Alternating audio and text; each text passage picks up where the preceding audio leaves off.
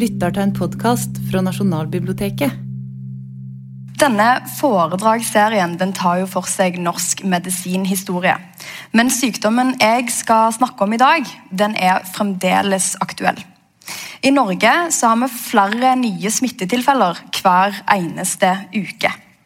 Så vi starter foredraget i 2019. Vi starter med deg.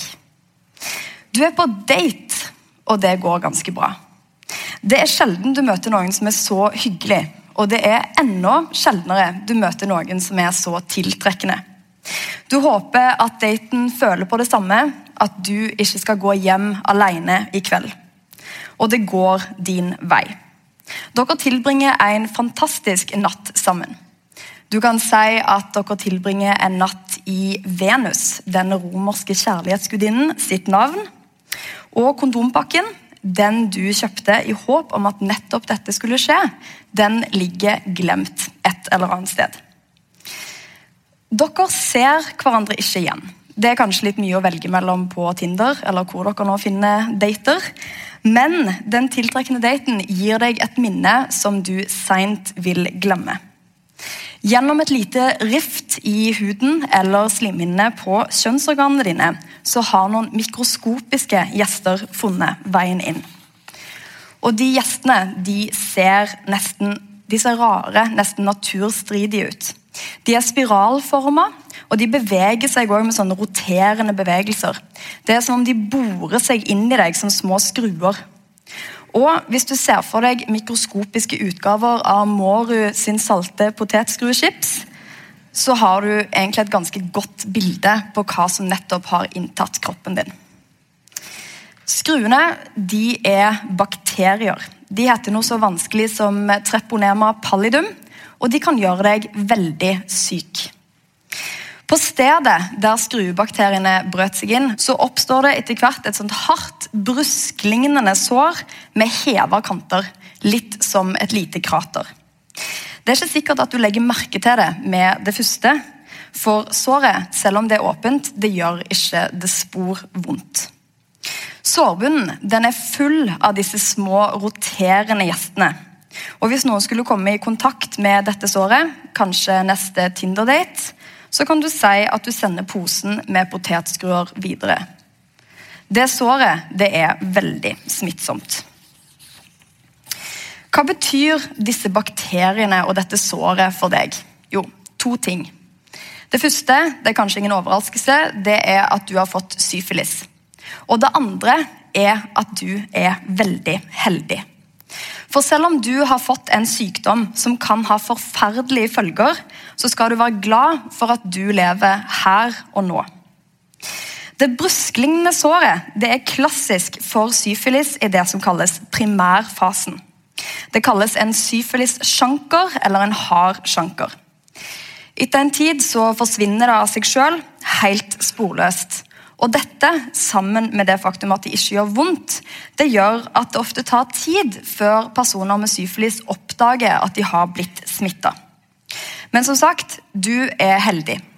Du oppdager såret, du kommer deg til en lege som kanskje ser dette for første og eneste gang i hele sin 40 år lange karriere. For selv om vi har ukentlige tilfeller av syfilis i Norge, så er det en sjelden sykdom. I 2018 var det meldt 232 tilfeller av sykdommen. I februar i år ble det meldt 13, så vi kan jo si at du var et av de tilfellene. Du får eh, behandling. Det består av penicillinsprøyter i rumpemuskelen og blir helt frisk. Syfilis lar seg nemlig fremdeles knekke av penicillin. Bakterien har ikke utvikla resistens mot dette legemiddelet siden det ble tatt i bruk på 1940-tallet. Og Det er nesten som om alle skal ta et lite minutt i stillhet for å takke en eller annen høyere makt for akkurat det her. Kanskje nettopp kjærlighetsgudinnen Venus. Gonoré derimot, en annen kjønnssykdom som dere sikkert også har hørt om, den har i motsetning til syfilis nå utvikla en så problematisk antibiotikaresistens at fremtidens Tinder-dater ser ganske mørke ut. Så poenget mitt er bruk kondom. En fremtid uten fungerende antibiotika kan fort bli som fortiden uten antibiotika. Og Etter dette foredraget så tror jeg dere alle etter hvert kan skjønne hvor ille det kan bli. Før penicillinet ble oppfunnet og tilgjengeliggjort, så kunne en natt med Venus og tilhørende syfilissmitte ende med et ganske ubehagelig liv med en annen romersk gud, nemlig Merkur. Det er guden som ganske passende bl.a. guider menneskenes sjeler ned til underverden. Behandlingen mot syfilis før i tiden var nemlig grunnstoffet merkur, bedre kjent som kvikksølv. Og Det ga opphav til det kjente ordtaket 'En natt med Venus, et liv med Merkur'. Kvikksølv det er jo ikke sunt. Det er en grunn til at vi fyller termometrene våre med andre ting i dag. Kvikksølv er et farlig stoff som kan gi forgiftning og alvorlige skader på nervesystemet.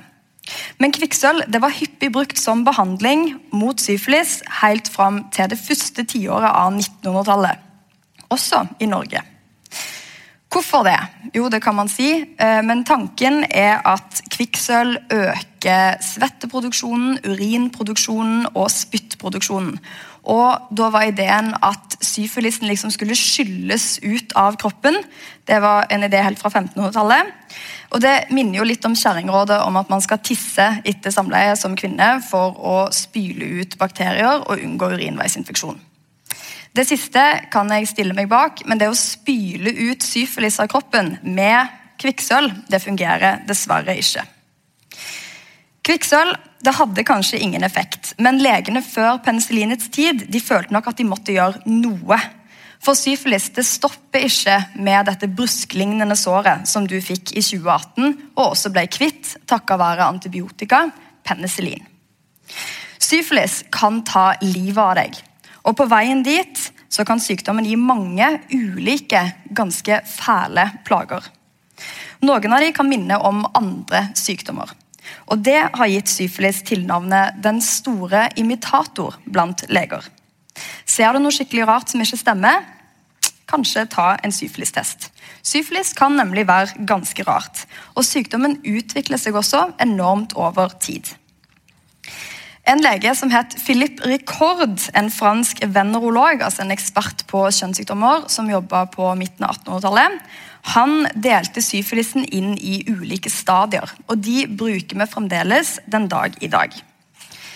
Primærfasen har vi allerede snakket om. Det er Typiske for primærsyfilis er dette brusklignende såret, en sjanker, som oppstår der smitten finner sted. Oftest på kjønnsorganene, i munnen eller ved endetarmen, men teoretisk sett hvor som helst på kroppen. Hvis pasienten samtidig er smitta med hiv, så kan det oppstå flere sjankere. Og etter dette så vil noen av bakteriene komme seg fra såret og så bevege seg over inn i kroppen, komme seg over i blod og lymfe. Og Når bakteriene er i blod og lymfe, så har man ikke lenger eh, en infeksjon som lager et problem et bestemt sted på kroppen, en lokalisert infeksjon, men man har fått en systemisk infeksjon. Syfilis angriper hele kroppen og kan lage betennelse hvor som helst. Da skal vi videre til sekundærstadiet av syfilis. Det kan gi plager overalt, i alle indre organer, men den klassiske sekundærsyfilisen den er prega av synlige hudforandringer. Syfilisbakterien gir betennelser i blodårene rett under huden. og Det gir et av de mest kjente syfilissymptomene. Det heter roseola. Det er et småprikka utslett som dekker hele kroppen, litt som stjernedryss. Ofte er det utslettet rødt og tørt, men det kan også danne små byller, litt sånn kviseaktige, fulle av puss.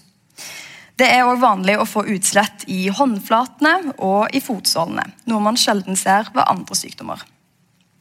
I tillegg så får man ofte noen sånne spesielle avflatta vorter på slimhinner som heter kondyloma lata. Alle disse hudforandringene er dekka av syfilisbakterier, og de smitter da ved hudkontakt. Det er f.eks. smittsomt å komme borti hudutslettet til en pasient med, med syfilis.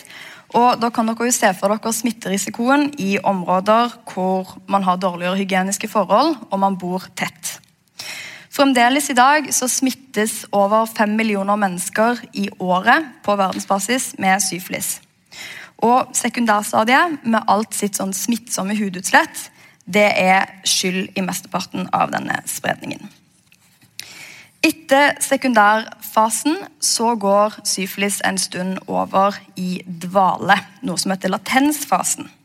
Det kan vare i mange år, og man har ingen plager. Men så kommer etter hvert det grimmeste, tertiærfasen. Etter mellom 1 og 30 år så våkner sykdommen til liv igjen. Syfilisbakteriene ligger nå inne i de minste blodårene i kroppen, i kapillærene. Og kroppens immunsystem reagerer på bakteriene ved å lage en voldsom betennelsesreaksjon som skader kroppen sjøl mer enn den skader syfilisbakteriene. Det kan gi betennelse og skade overalt, f.eks. på hovedpulsåren og klaffene i hjertet. Dette kalles kardiovaskulær syfilis og kan ende med død, f.eks. hvis hovedpulsåren, aorta, Eh, skulle sprekke. Da vil man jo blø ut. altså. Man kan òg få hjertesvikt av kardiovaskulær syfilis. Hjernen og sentralnervesystemet kan òg angripes og gi det som kalles nevrosyfilis. Dette er en sykdom med ulike symptomer, alltid i hvilken del av sentralnervesystemet som angripes. Det var vanlig å anta at eh, kunstneren Osvald i Ibsens stykke 'Gjengangere' var smitta med syfilis og hadde nevrosyfilis, og at det var årsaken til hans psykiske plager.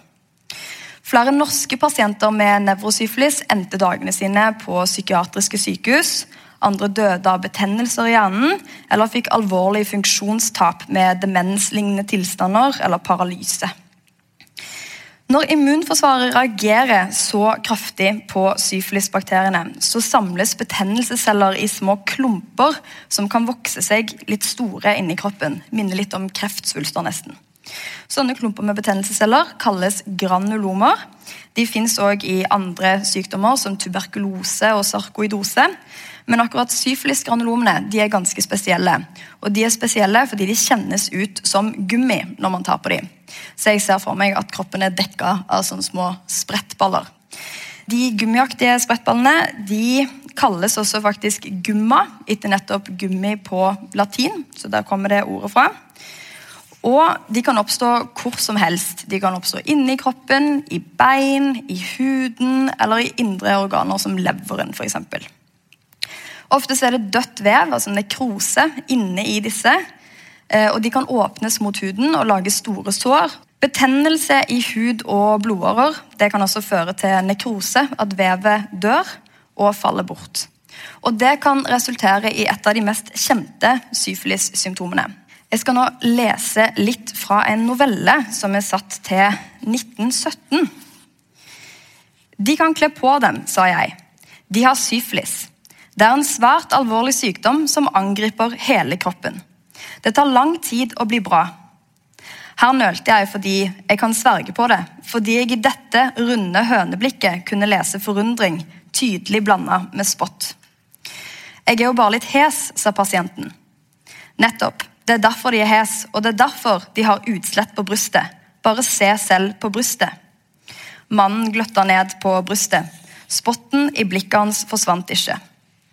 Kan du ikke bare gi meg noe for halsen? spurte han. Hva i all verden er det med han, tenkte jeg utålmodig. Her snakker jeg om syfilis, og han snakker om halsen sin. Se her, min gode mann, fortsatte jeg høyt og tydelig. Halsen er en bagatell. Vi skal kurere halsen òg, men det viktigste er å helbrede selve hovedsykdommen. Og det kommer til å ta lang tid. To år. Pasienten sperra øynene opp, og jeg kunne lese hans dom. De er gått fra forstanden, doktor. Hvordan kan det ta så lang tid? spurte pasienten. Hvordan kan det ta to år? Jeg trenger jo bare noe å gurgle halsen med. Jeg ble rasende innvendig, og jeg begynte å fortelle. Jeg var ikke lenger redd for å skremme han. Å nei, jeg antyda til og med at nesen hans kunne falle av. Det å miste nesen det er jo en så grufull og sånn malerisk konsekvens av syfilis at populærkulturen har omfavna den. Det jeg leste fra nå, det var novellen 'Stjernedryss' av Mikhail Bulgakov, den russiske forfatteren som er mest kjent for romanen 'Mesteren og Margarita'.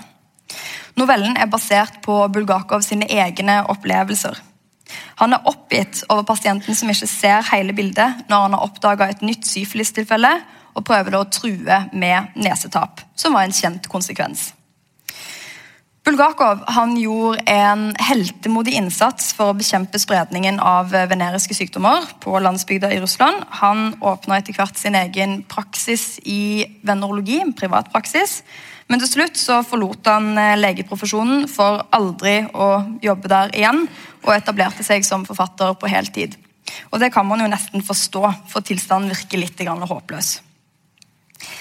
Og det å miste nesen det var så vanlig at det ble laga egne sånne neseproteser i ulike metaller eller materialer, ofte, ofte, metall eller treverk. Og Ofte var de også festa til et par briller for at det skulle se litt mer ekte ut. Her ser dere òg noen bilder av eh, plastisk kirurgi for å reparere nesen etter nedstap av syfilis.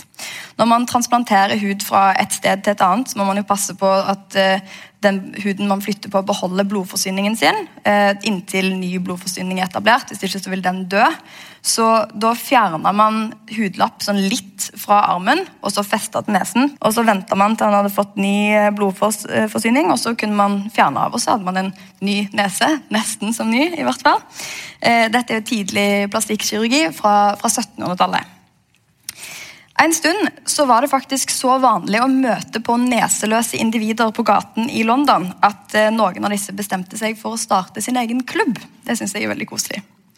Det er beskrevet i boken The Secret History of London Clubs fra 1709. Klubben ble kalt The No Nose Club. Lederen skal ha vært eh, som det står, a merry man, som ble kalt Mr. Crumpton. Og Sammen med sine flatfjesa venner så møttes han da én gang i måneden på pub. Veneriske sykdommer, og særlig noe så synlig som nesetap, var jo forferdelig skamfullt, men i fellesskap så ble selvfølelsen løfta. Og da står det at det var as if their sins were their pride and their sufferings their glory. Så det er jo nesten litt rørende.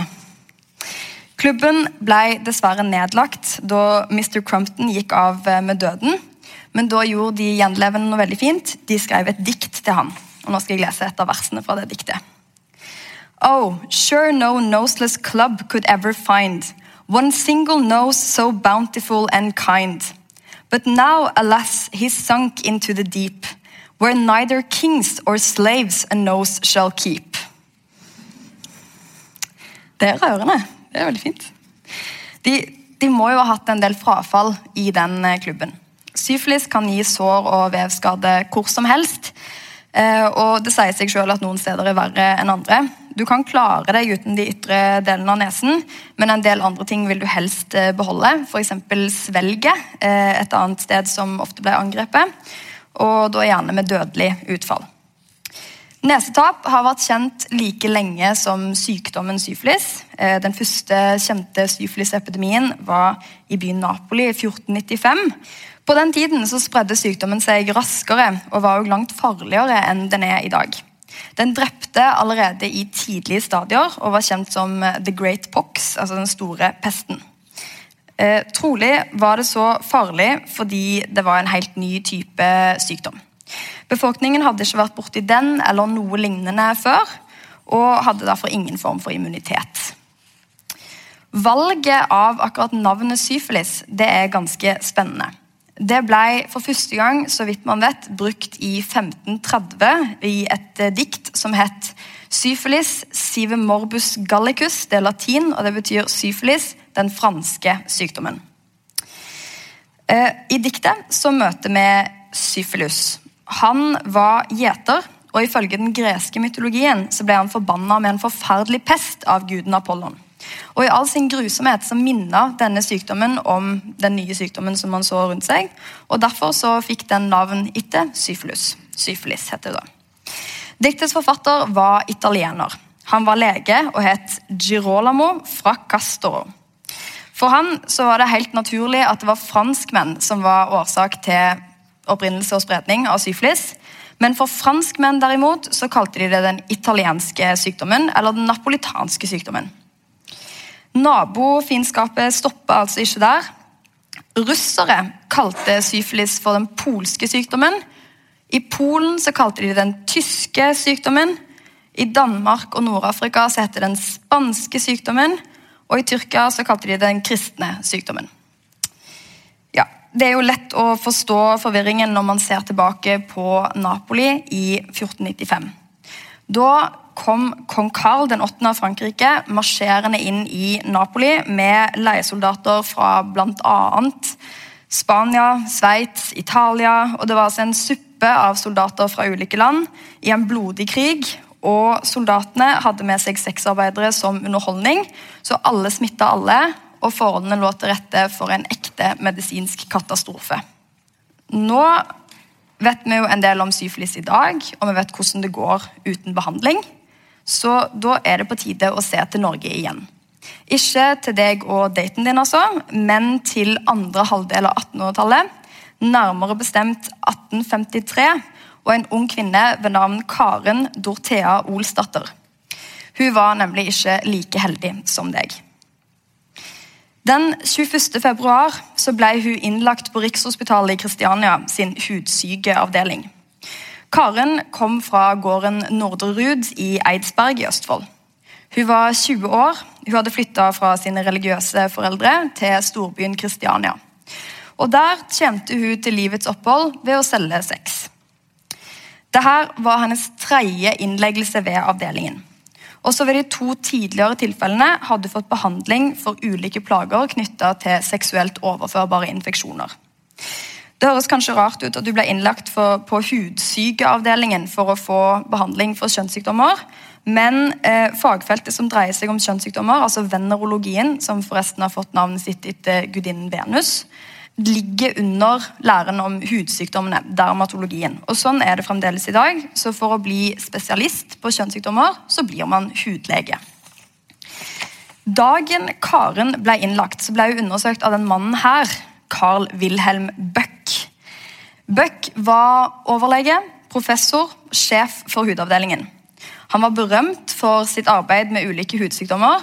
Og I forbindelse med denne undersøkelsen da, av Karin så skriver han at Karens kropp var dekka av et småprikka utslett. Hele kroppen. Dere husker Roseola, det bildet av det småprikka utslettet? ikke sant? Eh, Karen skal òg ha nekta for å noensinne ha hatt noe sår ved kjønnsorganene. Og da vet vi at eh, Buck har spurt etter en primær sjanker for syflis. Men likevel så er Buck helt overbevist om hva som feiler Karen. Han gir hun diagnosen sekundær syflis. Og på Karens vegne så skulle jeg virkelig ønske at hun aldri kom til professor Buck. Det hadde blitt tydeligere og tydeligere for eh, legestanden at kvikksølv hadde store bivirkninger og liten effekt. Men det fantes jo ingen alternativ, så bruken fortsatte. Men ikke hos akkurat Carl Wilhelm Bøck i Kristiania. Han var så kritisk til bruken av kvikksølv at han hadde adoptert og videreutvikla en fransk teori om at syfilis kunne behandles ved å trigge kroppens naturlige forsvar mot sykdommen. Litt som konseptet med vaksiner. ikke sant? Han satte da i gang en serie forsøk på syfilispasientene han hadde liggende på avdelingen sin. En av de var Karen. Dette det var en tid da veneriske sykdommer økte kraftig i Kristiania. Folk bodde tett, det var fattigdom, det var vanskelig å finne arbeid, og veien til sexarbeid var kort for ugifte kvinner av lavere sosiale lag, sånn som Karen. I 1840 så ble reglementeringssystemet for offentlig prostituerte innført. Det innebar at eh, sexarbeidere måtte føres inn i et register, og der finner vi Karen Dorthea Olsdatter. Det innebar òg at de måtte avlegge jevnlig besøk hos politilegen. Og akkurat det er jo foreviga i Christian Krogh sitt bilde 'Albertine' i politilegens venteværelse. Hvis det ble gjort funn i løpet av denne undersøkelsen som tyda på sykdom, så kunne man legge inn kvinnene eh, til behandling på tvang. Og Det er faktisk grunn til å tro at det skjedde med nettopp Karen. For i prostitusjonsprotokollen så står det at hun ble arrestert samme dag som hun ble innlagt hos Bøck. Målet med dette reglementeringssystemet det var å begrense spredningen av veneriske sykdommer. Men systemet var både kritisert og forhatt. Det varte fram til 1888, før det ble avvikla. Men sunnhetsloven, som ble innført i 1860, den lovfester personer sin plikt til å la seg behandle hvis de lider av smittsomme sykdommer som kan true befolkningen som, som helhet. Og Det gjaldt jo definitivt for, for syfilis. Fremdeles i dag så har pasienter med syfilis og helsepersonell som behandler sykdommen, visse plikter. De står nedført i smittevernloven. Der har vi paragrafer som har mål om å stoppe spredning av de allmennfarlig smittsomme sykdommene.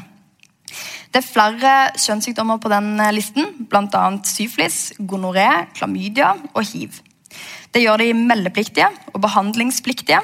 Smitta må unngå å smitte andre, og helsepersonell eller pasientene selv må drive smitteoppsporing for å identifisere andre smittebærere. Men vi skal tilbake til Carl Wilhelm Bøck og Karen. Hvordan var det han prøvde å kurere pasientene sine? Jo, Tanken var at han forsøkte å trigge pasientene sitt immunforsvar mot syfilis ved å smitte dem med syfilis på nytt. Igjen og igjen og igjen. Han henta da puss fra det han antok at var syfilissår på andre pasienter. Og så satte han det inn i nye pasienter. Og Noen ganger så tok han også satte puss fra pasienter inn i katter, sånn at de utvikla sår. Og så hentet han puss fra kattene og satte inn i pasientene sine igjen. Så det var forholdsvis spesielt. Eh, han laga små snitt i pasientenes hud hvor han førte eller inokulerte dette, dette pusset. Og Resultatet som han så, det var at eh, de utvikla nye sjankere, sånne sår. Og de eh, så han at de varte kortere og kortere for hver gang. Og Da tenkte han at det viste at eh, kroppen ble bedre og bedre til å kjempe mot sykdommen, og at man ble helbreda. Så etter langvarig behandling så mente Buck at pasientene ble friske. Men det var jo noen ganger etter at de hadde fått mange titalls, kanskje hundre sånne, sånne sjankere. ikke sant? Metoden den ble kalt for syfilisasjon. Buck han publiserte prosedyrene sine i boken 'Syfilisasjonen studeret ved sykesengen' i 1854.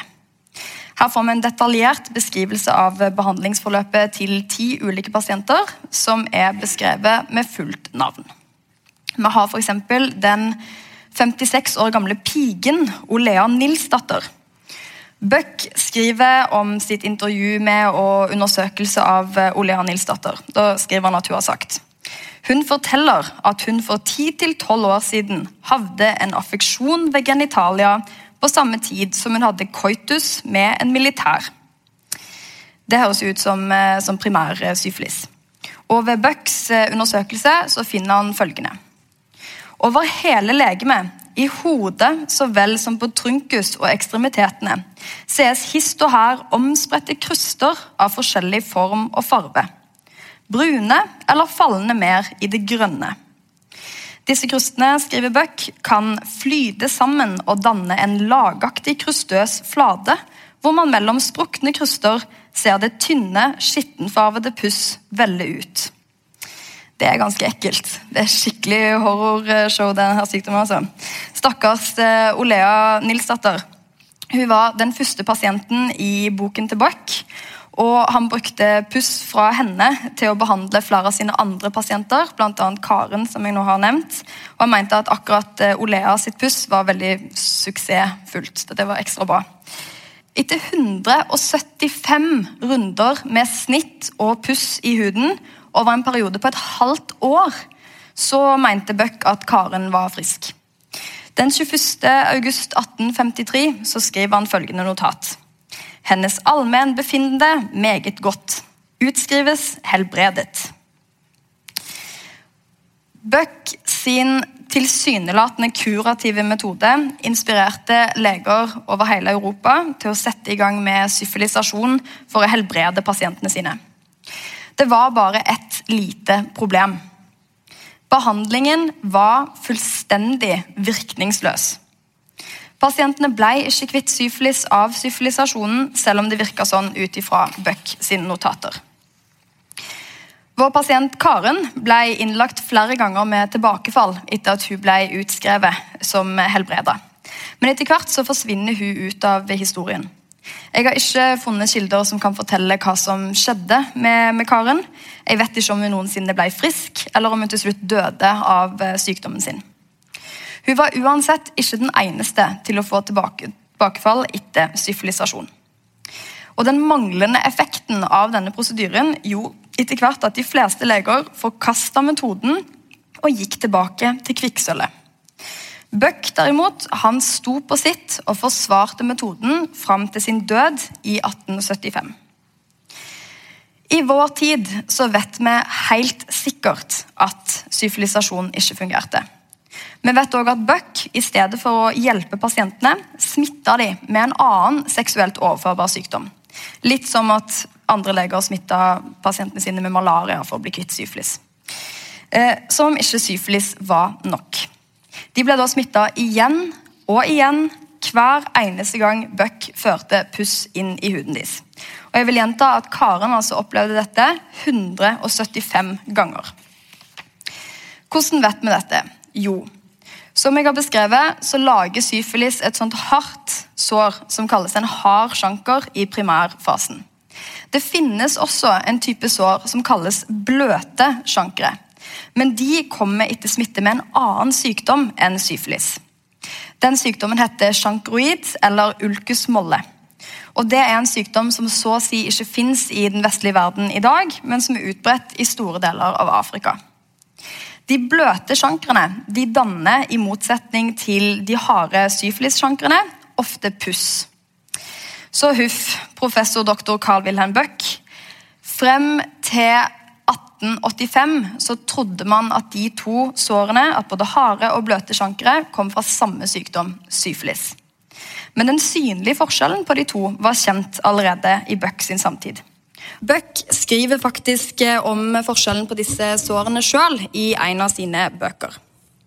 Han skriver at puss fra det bløte sjanker lar seg inokulere i pasientene, og at det kan brukes til videre inokulasjon igjen og igjen fordi man får nye sjanker av dette.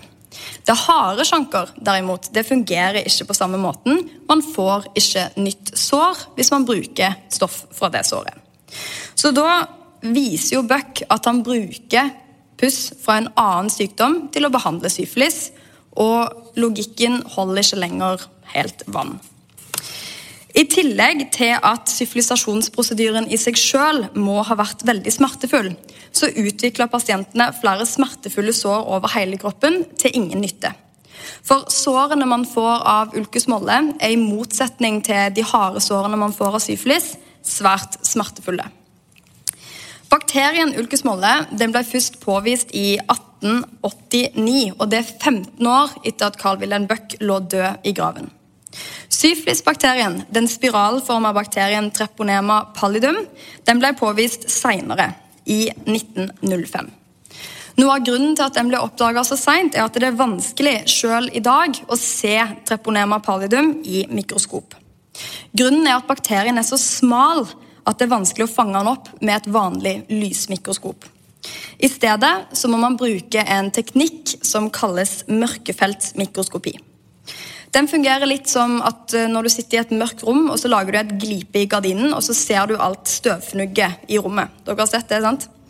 Det er, eh, da vil det plutselig lyse opp. Og Det samme skjer når man bruker mørkefeltsmikroskopi. Da blinker de smale skruene til. Akkurat som støvfugg i et mørkt rom. To år etter det så ble det utvikla en blodprøve for å påvirke, påvise syfilis. Det var i 1907 eh, og kaltes for Wassermanns reaksjon. Det å kunne teste for spesielle bakterier eller å kunne identifisere dem med mikroskop, det revolusjonerte jo behandlingen og også diagnostikken. Uten tester så er det vanskelig å si hva som skyldes hva, og det er jo Carl Wilhelm Bøck et slående eksempel på. Men vi skal ikke undervurdere fortidens mennesker fordi de ikke satt på samme kunnskapsgrunnlag som det vi gjør i dag. Carl Wilhelm Buck sin teori gir jo mening sett i lys av eh, datidens eh, kunnskapsgrunnlag om at de to sårene kom fra samme sykdom. Men som vi skal vise snart, så tar kanskje Carl Wilhelm Buck litt vel av. Han ville så gjerne overbevise andre medisinere om at sivilisasjonen var en god eh, metode som kunne erstatte kvikksølvet og hjelpe pasientene. Å utrydde syfilis var noe han så på som så viktig, den viktigste oppgave en lege kunne ha. Og i en bok han publiserte i 1857, så kalte han bekjempelsen av syfilis for 'den store sag' og syfilisasjonen et glimt av håp. Og han ville at alle som kunne bidra, skulle være med i denne kampen. I 1875, samme år som han døde, så skriver han nok en eh, bok om syfilis som han publiserer. Og Her skriver han om ulike eksperimentelle forsøk med syfilisasjon. For Han forsøkte lenge å finslippe metoden for å gjøre han bedre med altså de rareste ting. Det var mange spørsmål. Skulle det syfilitiske virus som han kalte det, skulle det inokuleres ublandet? Eller skulle han blande det med ulike ting, f.eks. belladonna eller vaksinemateriale? Og hvordan skulle det oppbevares før det bruktes? Skulle det fryses, eller skulle det varmes opp?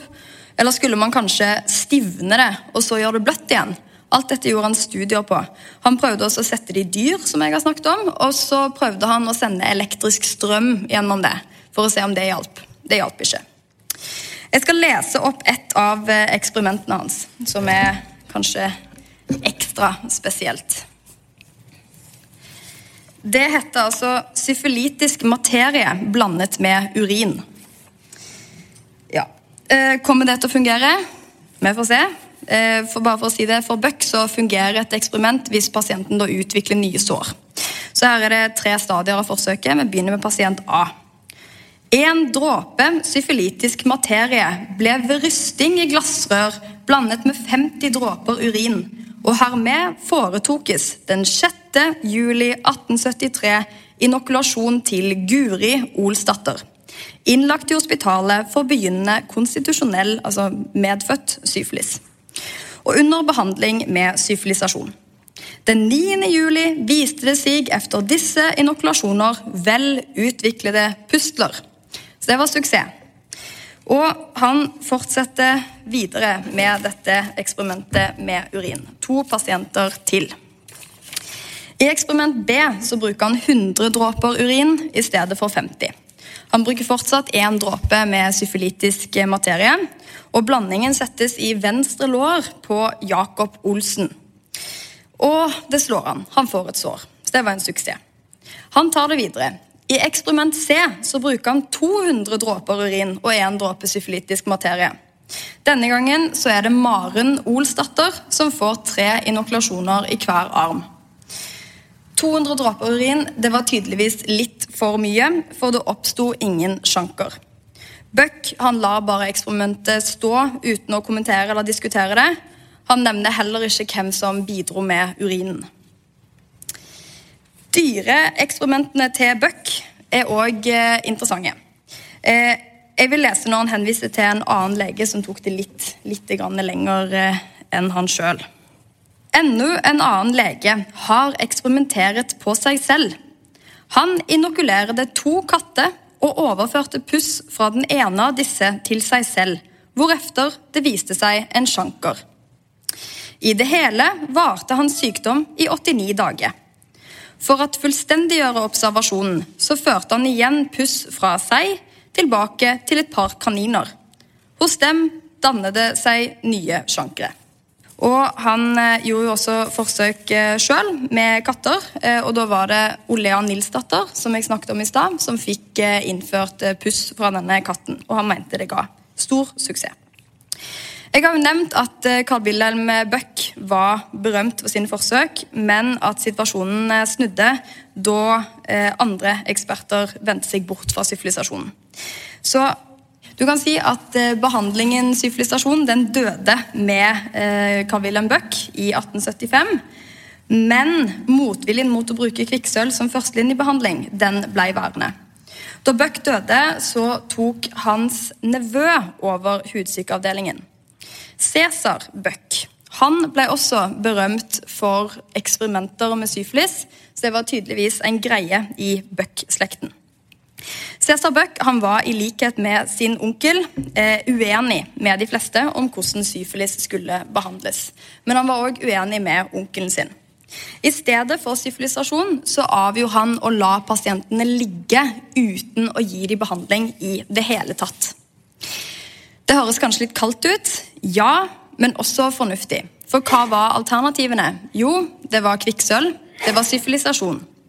Elendige forslag. Så Cæsar Buck han hadde en stor tro på kroppens evne til å helbrede seg sjøl. Han mente at næringsrik kost og hvile var gode ting for å hjelpe kroppen med dette, så pasienten ved hudsykeavdelingen fikk masse av det. Mellom 1891 og 1910 så lot Cæsar Buck nærmere 2000 pasienter med primær- og sekundærsyfilis ligge på avdelingen. Han og de andre legene skrev ned alt som skjedde med dem i sykdomsforløpet. Han skrev ned pasientenes symptomer gjennom de ulike stadier, han skrev ned dødsårsaker og funn under obduksjon. Gjennom dette så får vi et lite innblikk i hvem disse pasientene var, og hvor i byen de holdt til. Det man ser er for at De aller fleste som ble smitta med syfilis, var menn. At de fleste kom fra lavere sosiale lag, og at de fleste kom fra østkanten av Kristiania. Blant kvinner som ble smitta, hadde de fleste lavinntektsyrker som syerske. Og de fleste av de var ugifte. Litt mer norsk kunst må til for å illustrere elendigheten på den tiden. Mot slutten av 1800-tallet så nådde smitten med veneriske sykdommer en topp. Og man kan se for seg eh, hvor stor nøden var på den tiden, med at man bodde tett, og Rikshospitalet flomma jo over av syfilistilfeller. Som jeg har nevnt, så kan jo syfilis smitte ved seksuell kontakt eller kontakt ved, med sår eller utslitt med, med syfilisbakterie. Men man kan òg få, få, medfødt syfilis. Enten så smittes man da i løpet av graviditeten fordi disse skruebakteriene kommer seg over placenta, morkaken, og over til fosteret. Man kan òg smittes under fødselen. Helt fram til slutten av 1800-tallet så trodde man nemlig at syfilis var arvelig. Det er jo noe annet enn at man smittes fra mor til barn. Man trodde at arvematerialet for å få syfilis lå i mannens sperm.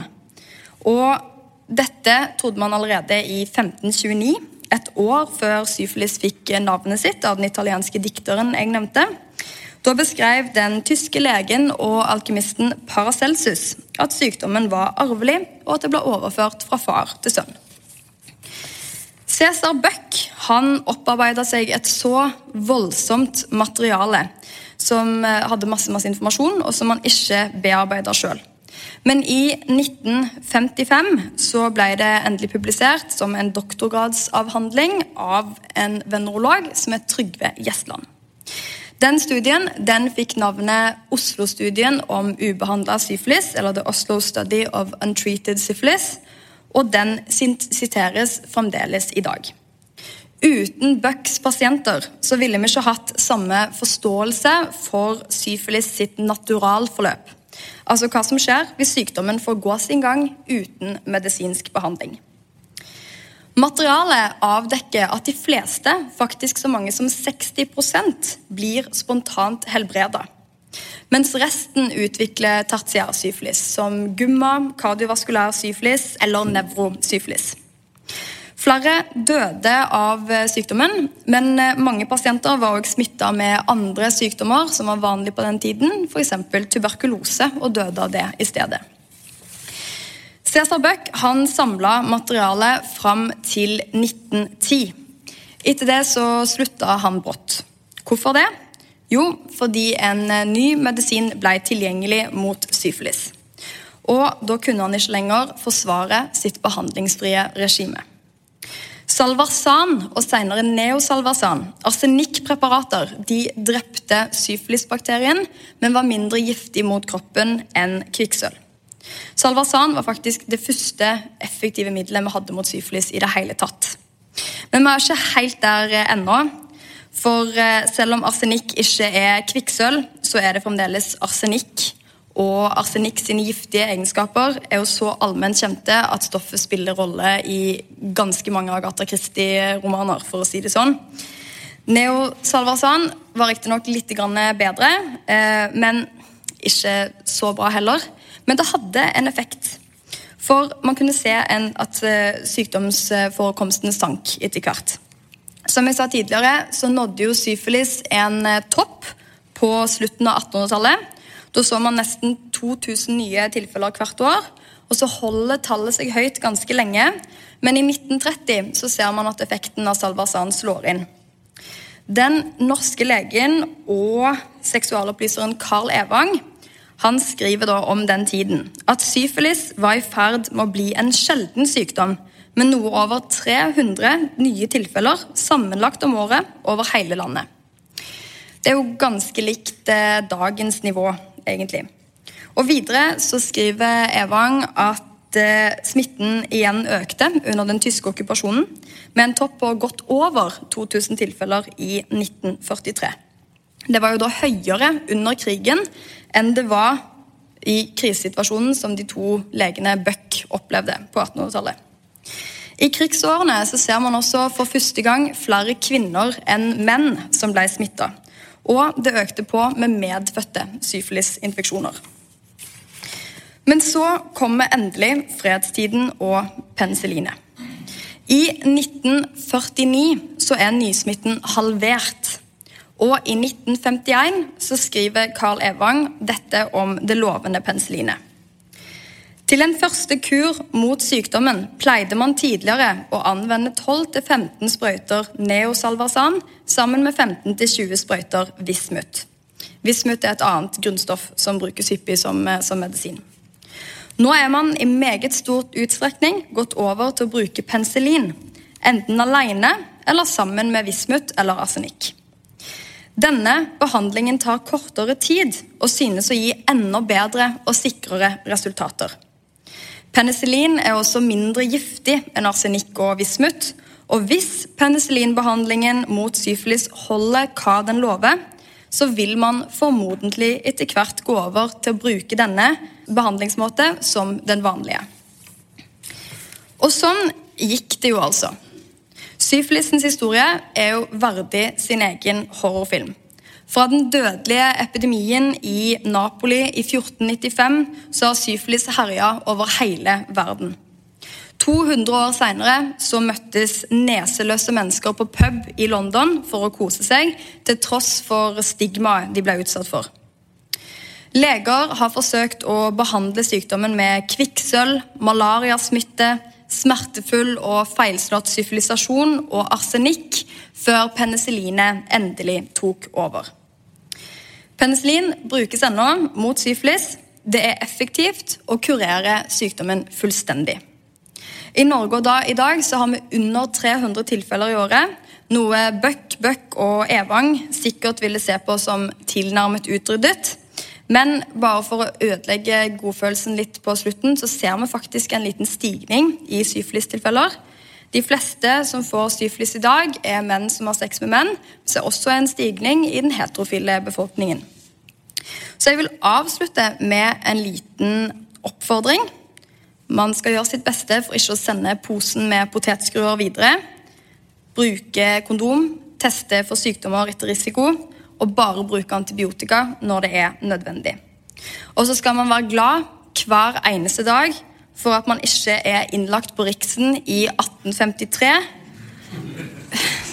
Ja Tenk det å bli innlagt under en lege som både har en visjon og syke katter og masse masse skittentfarget puss som man vil sette inn i deg. Takk for meg.